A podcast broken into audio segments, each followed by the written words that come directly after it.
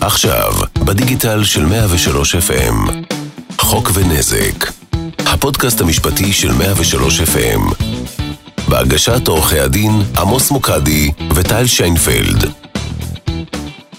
שלום למאזינים וברוכים הבאים לפרק נוסף של חוק ונזק. דיברנו בפרק הקודם על חברות התרופות בארצות הברית ועל תביעות הענק שהוגשו נגדן וחייבו אותן לשלם מיליארדי דולרים בשל התנהלותן הרשלנית ואפילו מכוונת בכך שהסתירו את הסכנות הטמונות בתרופות האופיוטיות וגרמו למיליוני אמריקאים להתמכר להן. שלום כמובן לעורכת הדין טל שיינפלד. שלום עמוס, הבטחנו שנעסוק אה, היום במצב בישראל, וכאן לצערנו יש פחות מודעות ופחות נטילת אחריות, כמו תמיד. כן, קודם כל נזכיר שהנושא הזה של התמכרות לתרופות אופיאטיות הובא בישראל לתודעה הציבורית רק בשנים האחרונות, וגם זה בערבון מוגבל כפי שתשמעו. נכון מאוד. אם אני אזכר למשל בתיק הראשון, בעניין הזה שניהלתי בבית משפט, השופטת שישבה בדין לא כל כך ירדה לסוף דעתי. היא למשל ממש ייחסה משקל לכך שאותו אדם המשיך ליטול תרופות מרשם, גם אחרי שהובהר לו שהן ממכרות. היא לא הצליחה לתפוס שבשלב הזה, שאותו אדם שיקר ורימה את הרופאים, הוא כבר בעצם היה מכור, אפילו נרקומן אפשר לומר, נרקומן לכל דבר, אה, שתלוי בתרופות הללו כדי לשרוד.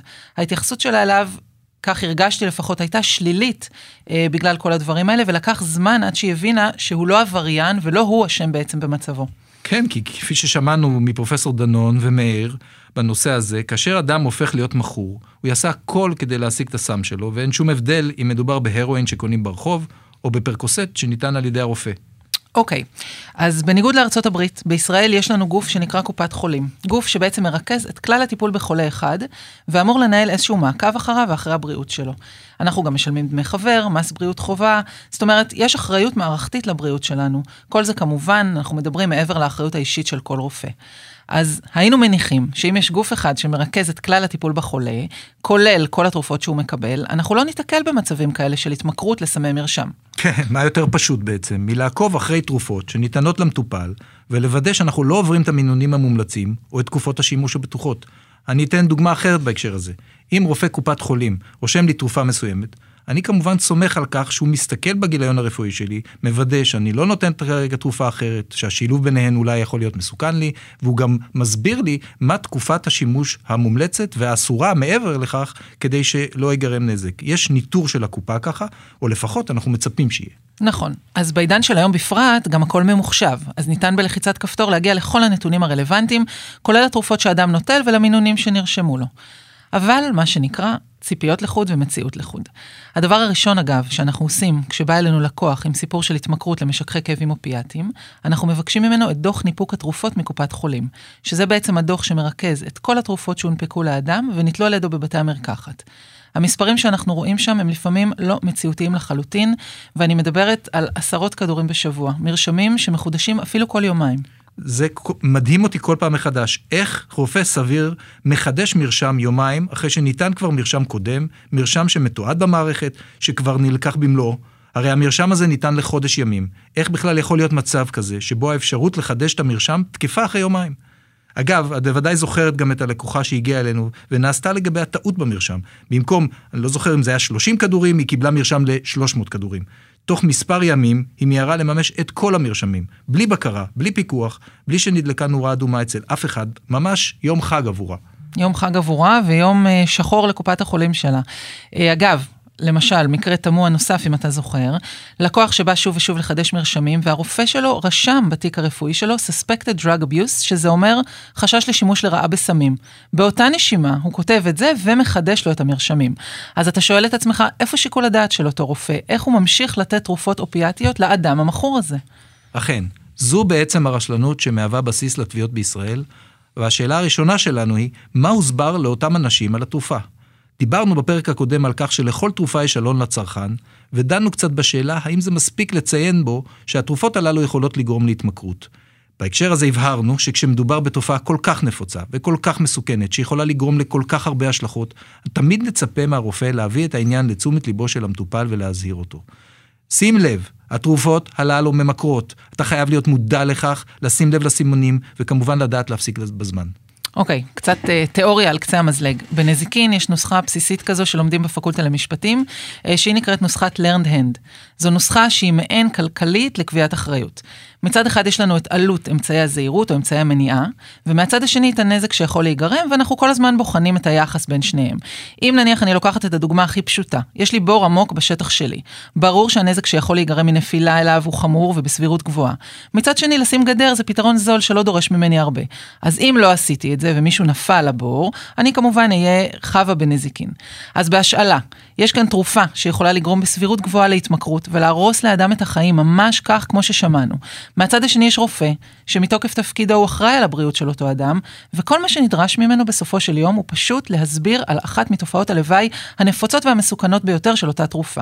אז ברור שבמסגרת פוטנציאל הנזק פה הוא כל כך גדול, ועלות המניעה היא אפסית, אז אנחנו תמיד בעצם ניטה לפסוק לחובת הרופא. נכון, אגב, בפרק הראשון, אם את זוכרת, הזכרנו את זה בהקשר של בדיקת הדמיה פשוטה וזולה שיכולה לגלות ולמנוע נזקים חמורים בהמשך. אז אוקיי, אמרנו שהשלב הראשון זה הסבר על התרופה, אבל השלב השני הוא הגבלת השימוש. כמו ששמענו כאן מפרופסור דנון, ההתמכרות יכולה להיגרם לאחר שבועות בודדים. אם כך, ברור לנו שהתרופות הללו צריכות להינתן לפרק זמן קצר, ואז לעבור לתחליפים, משככי כאבים שהם לא אופיאטיים. אם כן, נשאלת השאלה איך ומדוע מגיעים אלינו לקוחות שנוטלים פרקוסט או אוקסיקונטין חודשים ואפילו שנים בלי שאף אחד מנתק אותם מהאספקה הזו. טוב, ממש כמו מאיר. כן. כמו מאיר, שהלך ביום לרופאת המשפחה, בלילה למוקד לילה, לאחר מכן ביקר אצל רופא הילדים, ומכולם ביקש וקיבל מרשמים לתרופות אופיאטיות, בלי שאף אחד יעצור ויבדוק מי נתן לו לאחרונה מרשם ומתי. כאן בעצם מניעת הנזק שדיברנו עליה יכולה להתבטא בדרישה הסבירה מאוד, שרופא יעיין בגיליון הרפואי ויבחן את היסטוריית נטילת התרופות של אותו אדם, בפרט כשמדובר בתרופות נרקוטיות. כן, יש אה, דווקא סיפור אישי בעניין הזה, שמלמד אותנו דווקא איך אולי כן צריך לנהוג. אה, בבתי החולים, אגב, ננקטת מדיניות מאוד מחמירה בכל מה שקשור לתרופות אה, אופיאטיות. קרובת משפחה שלי אושפזה בבית חולים עם כוויות. בזמנו היא סבלה מכאבים עזים, התחילה לקבל מורפיום, שגם היא כמובן תרופה מהקבוצה שאנחנו מדברים עליה. ותוך כעשרה ימים, אותה קרובת משפחה התחילה לבקש מורפיום ברמה יומיומית, ובאיזשהו שלב גם התחילה לבקש אותו גם לפני שעבר פרק הזמן המינימלי אה, כדי ליטול תרופה נוספת. עכשיו, ברור היה שהיא סובלת מכאבים, ועדיין, מהר מאוד, הרופאים פשוט מנעו ממנה את השימוש במורפיום, אה, ועברו לתרופות שאינן אופיאטיות. ולא רק זה, הם גם שוחחו בזמנו עם המשפחה על הסכנה בהתמכרות. מיותר לציין שהיא שוחררה ללא כל מרשם לתרופה אופיאטית. ובהקשר הזה, מי יודע מה היה קורה אם הדרישות ההולכות וגוברות שלה היו באמת נענות, אה, ויכול להיות שגם אצלי במשפחה היה סיפור כזה, כי זה באמת אף אחד לא חסין. אז שוב אנחנו מגיעים לנקודה של חוסר זמן מספיק למטופל, חוסר תשומת לב, רצון לקבל כמה שיותר מטופלים בכמה שפחות זמן, ודברים מתפספסים. אנחנו יודעים שרופא משפחה ממוצע יכול להקדיש בסך הכל כמה דקות לכל מטופל. אז כמה קל לפתור את בעיית הכאב של המטופל שחוזר ומתלונן באמצעות מרשם למשכך כאבים חזק. אבל ברשלנות רפואית, כשדברים מתפספסים, חיים של אדם יכולים להיהרס. בואי נדבר על מה קורה אחר מכן. כשאדם כבר מכור לאותן תרופות מרשם. אמרנו כבר שאותו אדם מתנהג כמו כל מכור אחר, ועושה הכל כדי להשיג את אותם סמים, משקר, מרמה, מגיע לרופאים ומתלונן לכאבי תופת, הכל כדי לקבל את הסם. עכשיו, במקום שהדבר הזה יהיה ברור ומובן, אני אקריא לכם קטע מכתב הגנה שהוגש על ידי קופת חולים בתיק שכזה, ואני מצטט. התובע רימה את רופאיו והציג התנהגות מניפולטיבית, תוך הצגת מצג שווא ביחס לכאבים קשים, בגינם נרשמו לו תרופות בדרך מקובלת ועל פי פרוטוקול רפואי, ומשכך אין לו להלין אלא על עצמו. נכון. אה, כמו שאמרנו, יש כאן כאילו ניסיון מכוון לא לרדת לשורש התופעה הזו של התמכרות. אה, קופות החולים בעצם מנסות שבית משפט ייתפס לשקרים. התובע רימה את הרופאים ולכן האשם עליו. כשהמטרה שלנו כעורכי דין היא להבהיר שהדיון בכלל צריך להתקיים בנקודת זמן אחרת, קודמת. כשאתם הפכתם את האדם הזה למכור ברמה כזו שהוא כבר לא שולט במעשים שלו, שהוא חייב להשיג את הסמים שלו בכל מחיר.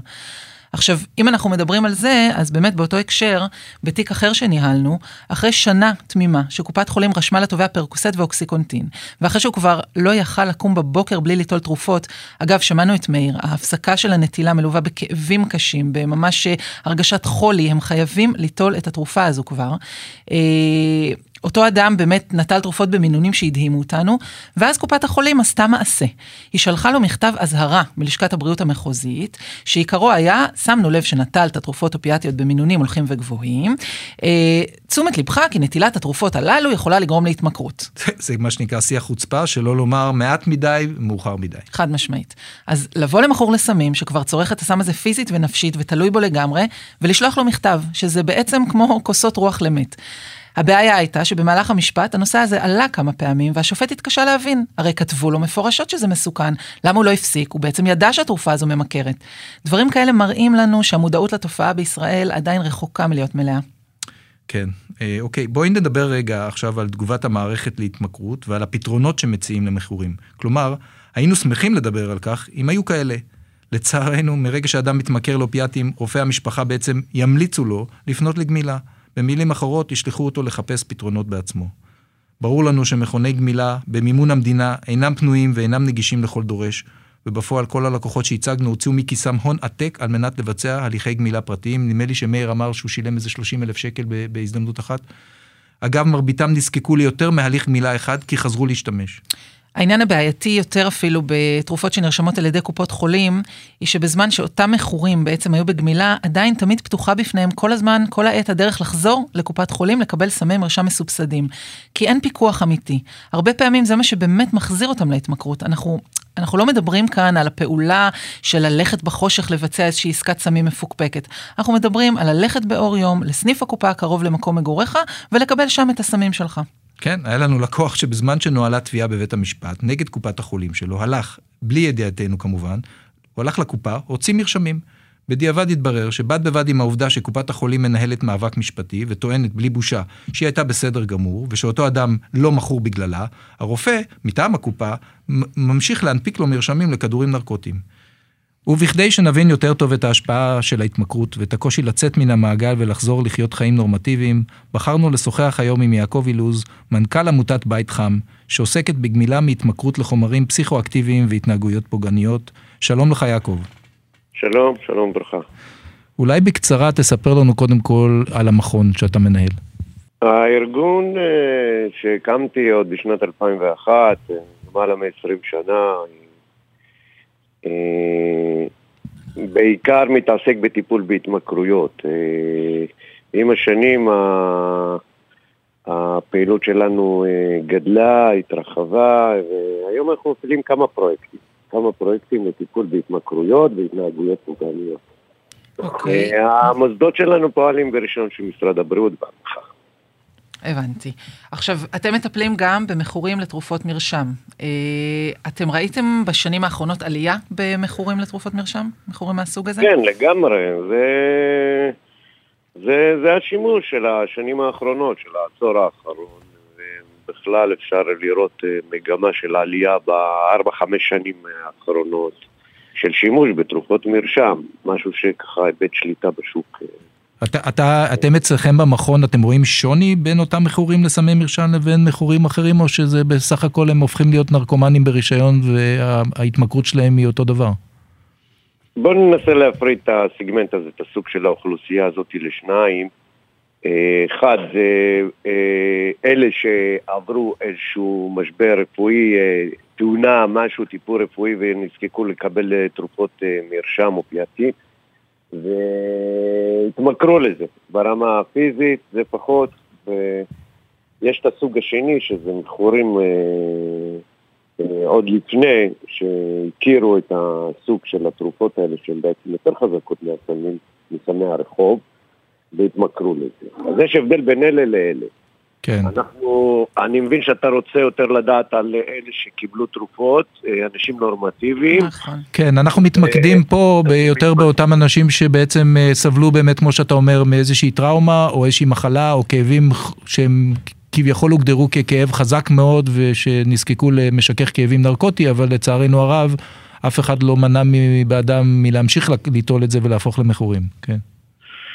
נכון, כי המערך, אה, מערך הרפואה לא כל כך אה, אה, עסוק בלהבין או להתעסק, או בכלל אין להם כלים להבין התמכרות ולעצור, למנוע התמכרות.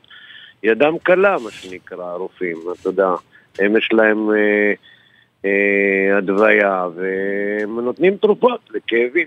הם נותנים תרופות, ותרופות שמתמכרים אליהם, ואחר כך קשה לצאת מהם. אז זה, זה התוצאה שבעצם אה, אנחנו נפגשים איתה. אתה, אתה הגדרת את התרופות האלה אפילו יותר, יותר טובות, יותר חזקות מסמי רחוב. בוודאי. כמובן, אם אנחנו ניקח את הפנטלין, הפנטלין, מדבקות, מדבקות פנטלין. מדבקות פנטה, כן. כן, מדבקות פנטה, שזה מיועד בעיקר לאנקולוגים וכאלה, אולי, אולי בעלי אה, בעיות אה, אורתופדיות קשות. אה, זה משהו מאוד מאוד חזק. ואם ניקח מדבקה של 100 מיליגרם, שמקבל אותה מטופל, על הגוף, והיא אמורה לתחזק אותו מבחינה אה, גופנית שלוש ימים, לוקח אותה מכור ומשתמש בה בכמה דקות. וואו. אה, הוא, הוא מעמיס את כל, את כל המינון הזה בכמה דקות לגוף שלו, כמה זה מסוכן, קשה לתאר אפילו.